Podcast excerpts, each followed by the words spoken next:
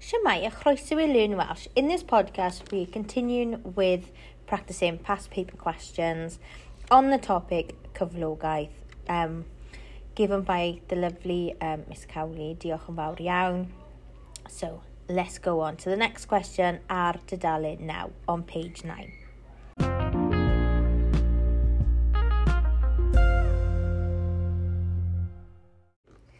Styling out ymarfer question ardau. So we're on page 9, practicing a typical question that turns up for A2.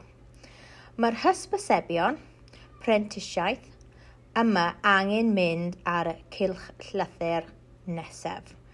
So these apprenticeship adverts need to go on the next circular. Rhaid i chi ddewis y tri llun mwyaf addas ar gyfer y tri cilch lythyr. So you need to choose three most suitable pictures for the three adverts. So we have three adverts, all starting with anaishai, which means wanted, and we know the question is out of three mark, three marks. If we scroll down then, we have five different pictures, a butcher shop, pub, hair salon, bakery, and then auto service, so a garage. So pause the podca- podcast and have a look to see if you can work out which ones go with which. So you only need three pictures, one picture that is best suited for each one.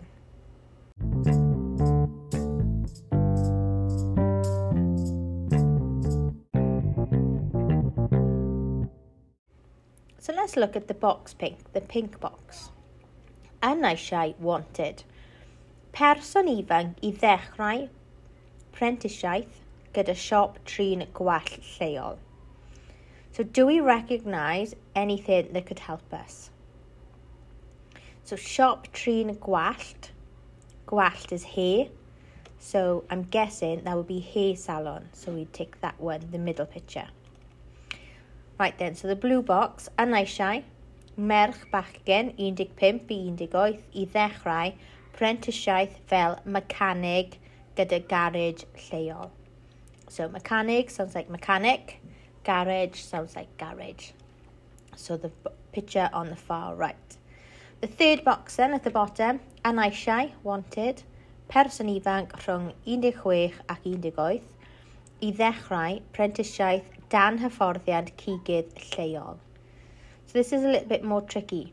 Okay, so the key word here is cigydd. Do we know what cigydd is or cig? cig moch.